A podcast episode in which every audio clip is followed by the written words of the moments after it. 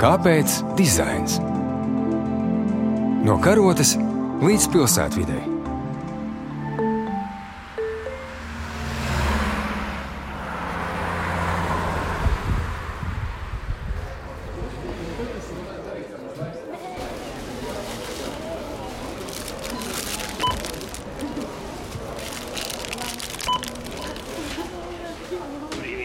Šoreiz ārpus radio studijas jūs uzrunā Ilza Dobele.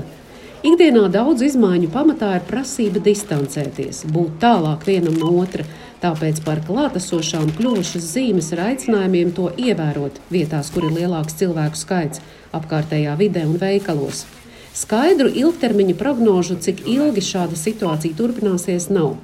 Vai brīdinājums un ieteikums var nodot savādāk un piešķirot tiem citu dizainu, mēs sapratīsim, ko paši ievērojam un ko nē. Uz sarunu aicinu HDV vadošo dizaineru un Latvijas Mākslas akadēmijas profesoru Ingūnu Elleri, kā arī komunikācijas stratēģi Zigurdu Zaķi. Esiet sveicināti! Sveiki. Labdien! Runāsim par to, ko var darīt labāk, savienojot komunikāciju un dizainu. Jūs abi, un arī dizainers Holgers Ellers, sociāla psihologs Ivars Austers un sociāla antropologs Klaus Sedlnieks un psihoterapeita Tīja Vanaga no marta strādājat kopā brīvprātīgā grupā un ir veikt arī dažādi pētījumi, kā iedzīvotāji saprot šīs izmaiņas un kā atbild uz šīm izmaiņām. Un ar tiem arī jūs esat vairāk kārt iepazīstinājuši gan valdību, gan arī valdībai tuvu stāvošus cilvēkus. Kā jūs raksturotu to no komunikācijas un dizaina skatu punktu, paveikto un to pētījumos iegūto rezultātu. Zigurd. Tas ir tāds lielāks un sistemātiskāks darbs gada laikā, domājot līdzi visam, kas notiek un meklējot to informāciju vai tās situācijas, kuras būtu vērts pētīt, lai radītu jau, teiksim, radošas intervences gan komunikācijas, gan dizaina kas palīdzētu mainīt situāciju uz labu. Tātad jau pētījumi jau ar mērķi viņus pielietot. Vai jūs varat minēt vienu piemēru? Nu, kas bija tas, kas ir galvenais, ko šādā veidā var izpētīt? Kas palīdz jums abiem diviem un visai grupai kopumā rīkoties, piedāvāt, domāt savādāk? Bija virkne atziņu, bet tā viena atziņa, kas izskanēja, bija šī cilvēku lēmumu un rīcības iracionalitāte apliecinājās vairākos veidos. Nu, viens no tiem, kas izskanēja, mēs ieviesām tādu metaforu, ka nu, no savējiem nav jābaidās. Intervija teorijās tas parādījās, gan tālāk kvantitīvi pētījumos apstiprinājās tas, ka cilvēki daudz mazāk eh, ir piesardzīgi kontaktā ar saviem cilvēkiem, tuvējiem, lai arī risks saslimt, jo tuvāk atrodas cilvēkam, biežāk mēs tiekamies, jo viņš ir lielāks. Un tādā situācijā atkal lielākais draudz tika saskatīts no ārzemniekiem, pat uh, dziļos Latvijas laukos, kur ārzemnieki parādās reti. Un tā ir tāda viena, nu jau tā iracionalitāte vai lēmumu pieņemšanas, kas ir jāņem vērā, veidojot šos te risinājumus uh, tādā līmenī. Šādu atziņas bija vairākas, viņas turpinājās, bet tālāk arī bija praktiski jau pētījumi. Un pirms es dodu Ingūnai vārdu, arī pati iepazinos ar vienu no šīm pētījumiem un sapratu, ka ļoti liela liela daļa arī no secinājumiem varētu tikt attiecināt uz to sadaļu, ka liela daļa cilvēku neprot apzināties paši sev, proti, nav paškritiski pret savu uzvedību. Nu, tādi mēs, komats cilvēce, komats esam. Jā, ja varētu teikt tā, ka mēs šeit Latvijā neesam īpaši ar to. Mēs kā cilvēki tādi esam, un zinot to, arī var apzinātāk un mērķiecīgāk veidot jau šo darbu lai rosinātu šo te nosacīti, es teiktu, rekomendāciju, nevis ierobežojumu ievērošanu.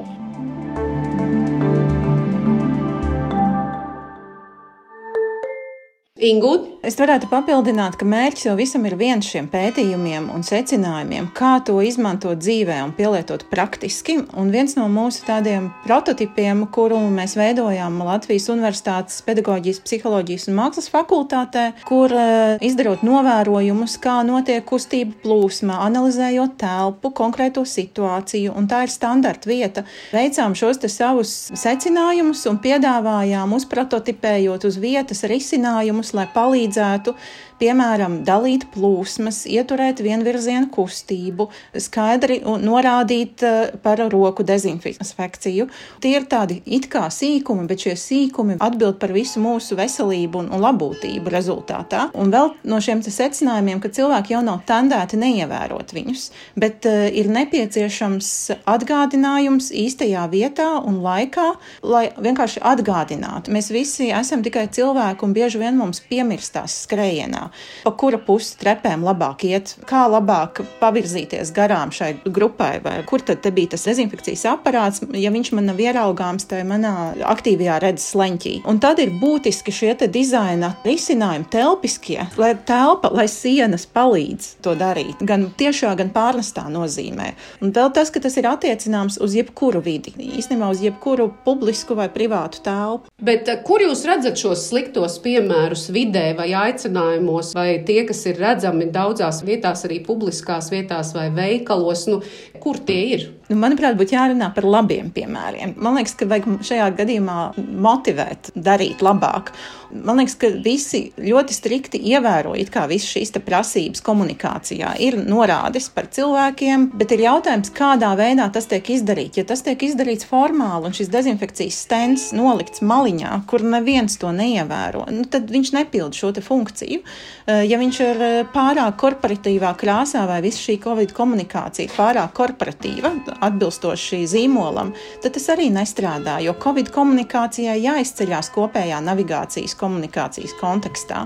Vai arī tāda plūsma analīze, kā iet pa durvīm vai iziet. Un, un tā ir šī dizaina komponente vai šī dizaina procesa metodika, kad jāiztrūks novērojumi un pēc tam secinājumi, tad tie ir formāli izpildīti noteikumi un it kā viss ir kārtībā un kāpēc mums turpinās šī saslimšana, jo tas ir arī viens no instrumentiem, kas var palīdzēt mazināt. Tātad, ja es nepamanu, ja tas saplūst ar apkārtējo vidi, ja man nav skaidrs norādes, vai es viņām pārēju garām un tas man neuzrunā, nu tad tomēr tas ir slikts dizains. Tas ir slikts dizains, vai mani viņas kaitina? Nē, nu, ja viņas kaitina un maina rīcību, tad varbūt reizēm viņas var būt. Šajā gadījumā tas nebūtu tik svarīgi, bet varbūt tas vissliktākā pieredze, tad, ja par to vispār nav parūpējies, ir tas nulles līmenis. Ja nav nekā, tad otrais varbūt ir šis līmenis jau tāds, nu, mazliet vairāk kā noformējumi, bet, nu, tādā ziņā jau plūsmu un cilvēku rīcības vadīšana skaidrāka ar grafiskā dizaina un arī vides elementiem un viņu izvietojumu, tas jau būtu tālāk. Un nākošais solis, ko Ingūna jau netieši minēja, kas pilnīgi sakrīt arī ar ministra kabineta līmeni. Ja mēs sākam mazliet pētīt un skatīties, kas tiem cilvēkiem ir vajadzīgs, kurās vietās viņi drūzmējas, kā atrisināt šīs vietas, kur veidojas tie pudeles šaurie kakli, ja mēs sākam ar viņiem arī reizēm aprunāties, ieklausīties, kur un kāpēc viņi nejūtās pietiekoši labi šai vidē,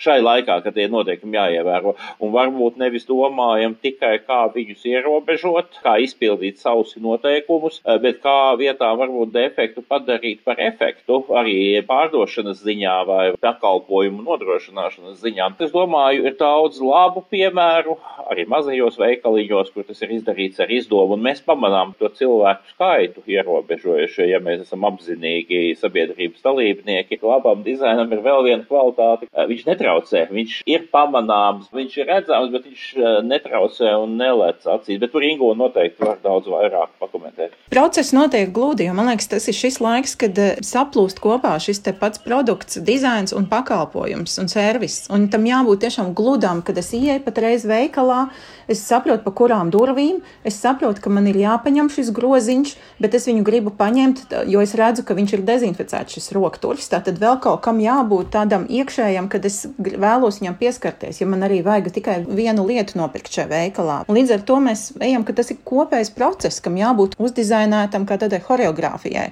caur veikalu. Un tad es ļoti, ļoti ceru, ka katra vieta testē, kā tas notiek un, un meklē šos te uzlabojumus. Jo šis ir brīdis, kad īsnībā zīmolam ir jāmanifestē, ka šīs telpas un pakalpojums ir drošs. Līdz ar to iegūstot šo sev lojālo klientu ilgtermiņā, man liekas, mainās pilnīgi tāda semantika telpa, ko es vēlos vēstīt. Ja es redzu, ka šī vieta vieta, uz kuras eju, saka, ka šeit ir droši jau ārpusē, pasaka skaidri noteikumus, ka mums šeit noteikumi ir šādi, tad uh, skaidrs, ka es izvēlēšos šo vietu, kuru apmeklēt turpmāk.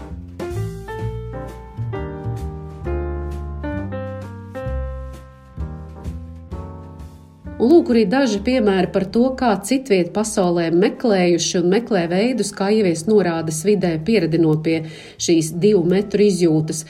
ASV Ņujorkā vasarā atļaujot atkal cilvēkiem pulcēties pilsētā, piemēram, Highline parkā uzzīmēja tūkstoši zaļus apļus uz ietvēm, kas sadala gājēju ceļus, vai Domino parkā Bruklinā zālienā iezīmēja 30 baltus apļus 2,8 metru diametrā, bet jau maijā pagājušā gadā Itālijā Vikjo pilsētā, kas ir netālu no Florences, vienā no laukumiem izzīmēja kvadrātus 1,8 metru izmērā, un tos viena no otra arī izvietoja izvietoja šajā nepieciešamajā distancē. Un tāpat arī ir dažādi piedāvājumi, kā ielu tirdziņos pircēju ceļiem neļaut krustoties. Kā jūs domājat, vai vasarā iespējams arī mums būtu bijis laiks, kurā mēs varētu šo mums pazīstamā vidē distancēšanos padarīt par tādu jaunu ieradumu?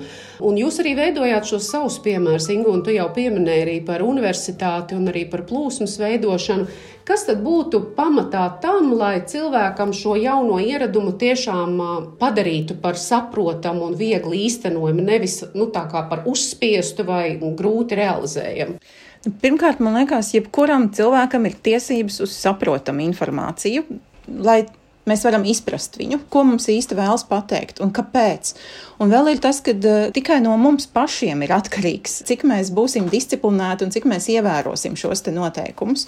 Un līdz ar to, manuprāt, nav nekas nokavēts. Drīzāk līdz šim vēl ir par maz šie eksperimenti. Tas nebeigsies vīrus uh, pēc mēneša. Šis ir īstais laiks, kad eksperimentēt ar šiem risinājumiem, ar šiem komunikācijas veidiem, testēt viņus, balstīt viņus pētniecībā, cilvēku fizioloģijā, uztverē, datos, aptaujā, novērojumos, un tad vienkārši testēt. Tas tikai novedīs pie, es uzskatu, labākiem rezultātiem mums visiem, pie labākām sistēmām, pie labākām epidemioloģiski drošām materiālu izvēlēm, pie tīrāka gaisa kondicionēšanas, pie celtniecības materiālu izvēles un, un tādām lietām. Tagad ir šis laiks, kad mēs jau projektējam šo savu nākotni un to, kādā dzīvosim, domājot par ikvienu publisku vidi. Jā, labi, Zigur. Divi līmeņi ir, ir līmenis, mikro līmenis, kas ir visi mazie veikaliņu uzņēmumi vietas, visi saskarsmes punkti, valsts pārvaldes saskarsmes punkti tā tālāk, ja, kur kritiski svarīgi ir nevis tikai gaidīt vadlīnijas, bet katram pašam apdomāt un likt lietā savu radošo garu, ieklausīties cilvēkos, vērot, novērot un veidot, meklēt kaut kādus risinājumus arī trakus un radošus. Un tad eh, dabisks evolūcijas kārtā labākie no tiem izaugs, attīstīsies, tiks kopēti un uzlabosies un ies uz augšu. Savukārt tādā lielajā makro līmenī, manuprāt, ir kritiski svarīgi tas, ka mēs varam arī ar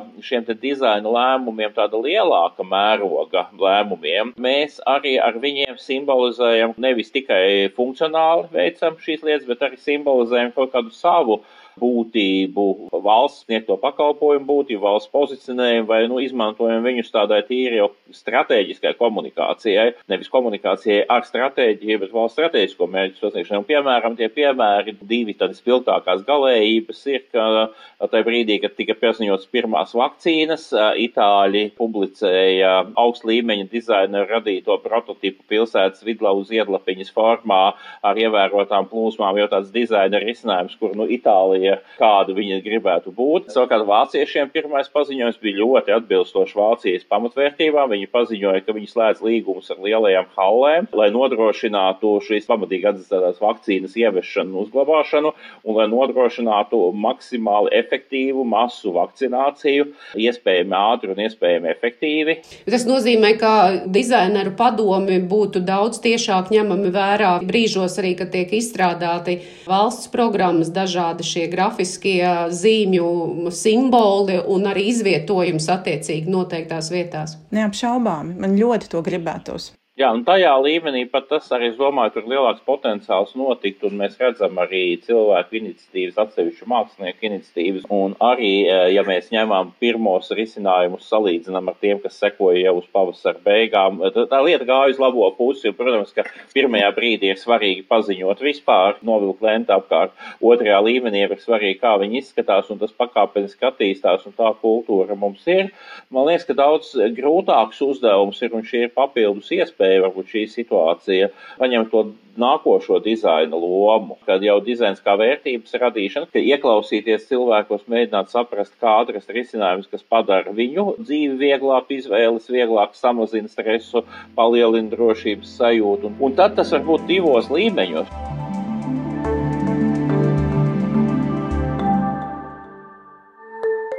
Sociālais dizains ir instruments, kurā sociālas problēmas risina ar dizaina metodikas palīdzību un uh, sadarbojoties vairākiem spēlētājiem kopā. Tas nevar būt viena dizaina pašiniciatīva. Un rezultāts ir pēc tam, piemēram, duplicējams, izmantojams kā tāda matrica uh, nākamajiem jau. Patreiz ir tas laiks, kad šīs pozitīvās sociālās izmaiņas var uh, radīt šie risinājumi. Un jautājums, kādā veidā tas tiek darīts, kādā veidā notiek notiek šis pamudinājums. Un šī valoda un uzruna var būt ļoti, ļoti dažāda. Tad mēs jau, ko Zigorts jau teica, no pavasara A4 lapiņām, ātrumā izdrukātām, uzlipinātām uz durvīm, mums jāpāriet uz tādu cieņpilnu un ilgtermiņa komunikāciju arī ar citu valodas un, un vizuālo semantiku. Jo savādāk ir lietas, kuras mēs vairs neredzam pēc laika distanci. Jo grafiskais dizains un tas, kā mēs lietas uh, ne tikai noformējam, bet pasniedzam cilvēkiem. Tas, manuprāt, ir nevis tikai efektivitātes jautājums, tas ir arī jebkura uzņēmuma organizācijas, tā skaitā valsts pārvaldes, tā skaitā tirzniecības uzņēmumu, tā skaitā arī mazo uzņēmumu pašcieņas jautājums jau mūsdienās. Jā, bet tas ir pašcieņas jautājums un tāds neapzināts, ja, ko cilvēks bieži neanalizē, bet kas rada šo priekšstatu diezgan ilgi un pamatīgi. Un tāpēc tam ir vērts pievērst uzmanību līdzās tam, ko Ingūna minēja arī, protams, par šo te nogurumu, kas veidojās no viena dizaina un tam līdzīgi. Tas risinājums jau izaug no šī dizaina procesa. Katrā ziņā šis nav laiks pašmērķīgam dizainam, kad dizaina risinājumam viņam jābūt tiešām ar jēgpilnam un viņš izaug no konkrētās situācijas un konkrētā precīzā uzdevuma, cik vien precīzi vien tas iespējams. Un es pat gribētu teikt, ka uh, savādāk pat nevar, jo savādāk tas tiešām ir noformējums un šajā, šajā vārda sliktākajā nozīmē. Vizuālā koķitēšana ir absolūti nevietā. Ja mēs skatāmies šos daudzos valstu arī pētījumus un priekšlikumus, citu valstu pieredzi, tad uh, redzam, pieņemsim ieteikumus nelietot Covid zīmītes uh, dažādos izmēros, jo tās nav sniegpārslīgs, ar kurām rotaļājamies. Un vēl ir tas, ka ir labi pētīt un zināt citu valstu pieredzi pieredze, bet skaidrs, ka mēs nevaram kopēt citu valstu pieredzi, jo mēs esam konkrētajā vietā, konkrētajā laikā ar savu mentalitāti, uztveres īpatnībām un sociāli ekonomisko situāciju, un mums ir jāizstrādā šie risinājumi, kas ir eh, tieši šeit, konkrētām uh, iedzīvotāju grupām. Un šie risinājumi ir balstīti pētniecībā, uztveres īpatnībās. Tāpēc arī tik daudz laiks ir veltīts, lai analizētu šos pētījumus, kuras auditorijas paklausīgi ievēro šos nosacījumus un kas ir jaunieši brīnumainā kārtā, un kuras auditorijas atkal mazāk ir tendēts paklausīt arī aiz dažādiem vēsturiski, ekonomiskiem un sociāliem aspektiem. Un tad šīs auditorijas arī var dažādi uzrunāt. Tieši tā, jā. Tas ir vēl viens šī pētīšanas lielā procesa atziņa, ka tiešām tā segmentācija ir kritiski svarīga. Mēs nevaram un pat nedrīkstam runāt ar visiem cilvēkiem vienādi. Mums ir jāatrod kopējie vēstījumi visiem valsts līmenī. Bet viena lieta par dizainu, kas varbūt ir viss, viss, viss svarīgākā atcerēties, ka dizains ir vērtības radīšana. Un tas ir tas, pie kā patreiz dizaineri, es domāju, un starpdisciplinārās komandās strādā, jo viss jau notiek. Mēs visi strādājam pie projektiem. Arhitekti zīmē, dizaineri strādā, pētnieki pēta, un tad liekot kopā šīs visas zināšanas par to, kādas tad būs šīs jaunās telpu stratēģijas, kādi būs šie epidemioloģiski drošie materiāli, kādas būs skolas mūsu bērniem un kādi būs bērndārs, kuros jāiet ir. Es domāju, ka šis te drošības aspekts aspekts kļūs arvien sāsinātāks, bet tas ir labi, jo tiks celta kvalitātes ceru šajā publiskajā sektorā, publisko telpu sektorā, kas veido atkal šo mūsu nākotnes cilvēku, tos, kas nākotnē pieņems lēmumus, kā mēs dzīvosim. Labi, es jums teikšu šajā mirklī paldies par sarunu. Es arī saprotu, ka jūs starpdisciplinārajā grupā noteikti vēl turpināsiet un strādāsiet, un visticamāk, ka arī nākamajos mēnešos iespējams mēs atkal varēsim dzirdēt par to, kādus jaunus secinājumus jums ir atklājis kāds varbūt pētījums, vai arī varbūt esat jau vienojušies par kādiem nākamajiem soļiem, jo, kā jau mēs arī sākotnēji raidījuma sākumā teicām, šobrīd kaut ko prognozēt īstermiņā nav iespējams, arī ilgtermiņā tas ir sarežģīti un visticamāk, jā, mēs joprojām mācīsimies aizvien jaunus ieradumus un mēģināsim tos arī īstenot savā dzīvē. Paldies jums par sarunu! Paldies! Paldies, Ilze! Ar sarunām par šiem dažādiem risinājumiem, kā piemēroties vidē, kurā šobrīd tik daudz ko nosaka nepieciešamība palikt veselam, arī raidījumu noslēdzu sarunājos ar HDV vadošo dizaineri un Latvijas Mākslas akadēmijas profesoru Ingu Neleri, kā arī komunikācijas stratēģi Zigurdu Zaķi. Raidījumu skaņu montē Judīta Bērziņa, jūs uzrunāja Ilza Dobele. Raidījumu var dzirdēt atkārtojumā vai Latvijas Rādio 3 mājaslapā, kā arī podkāstu aplikācijā. Lai veiksmīga šī nedēļa! Uz tikšanos!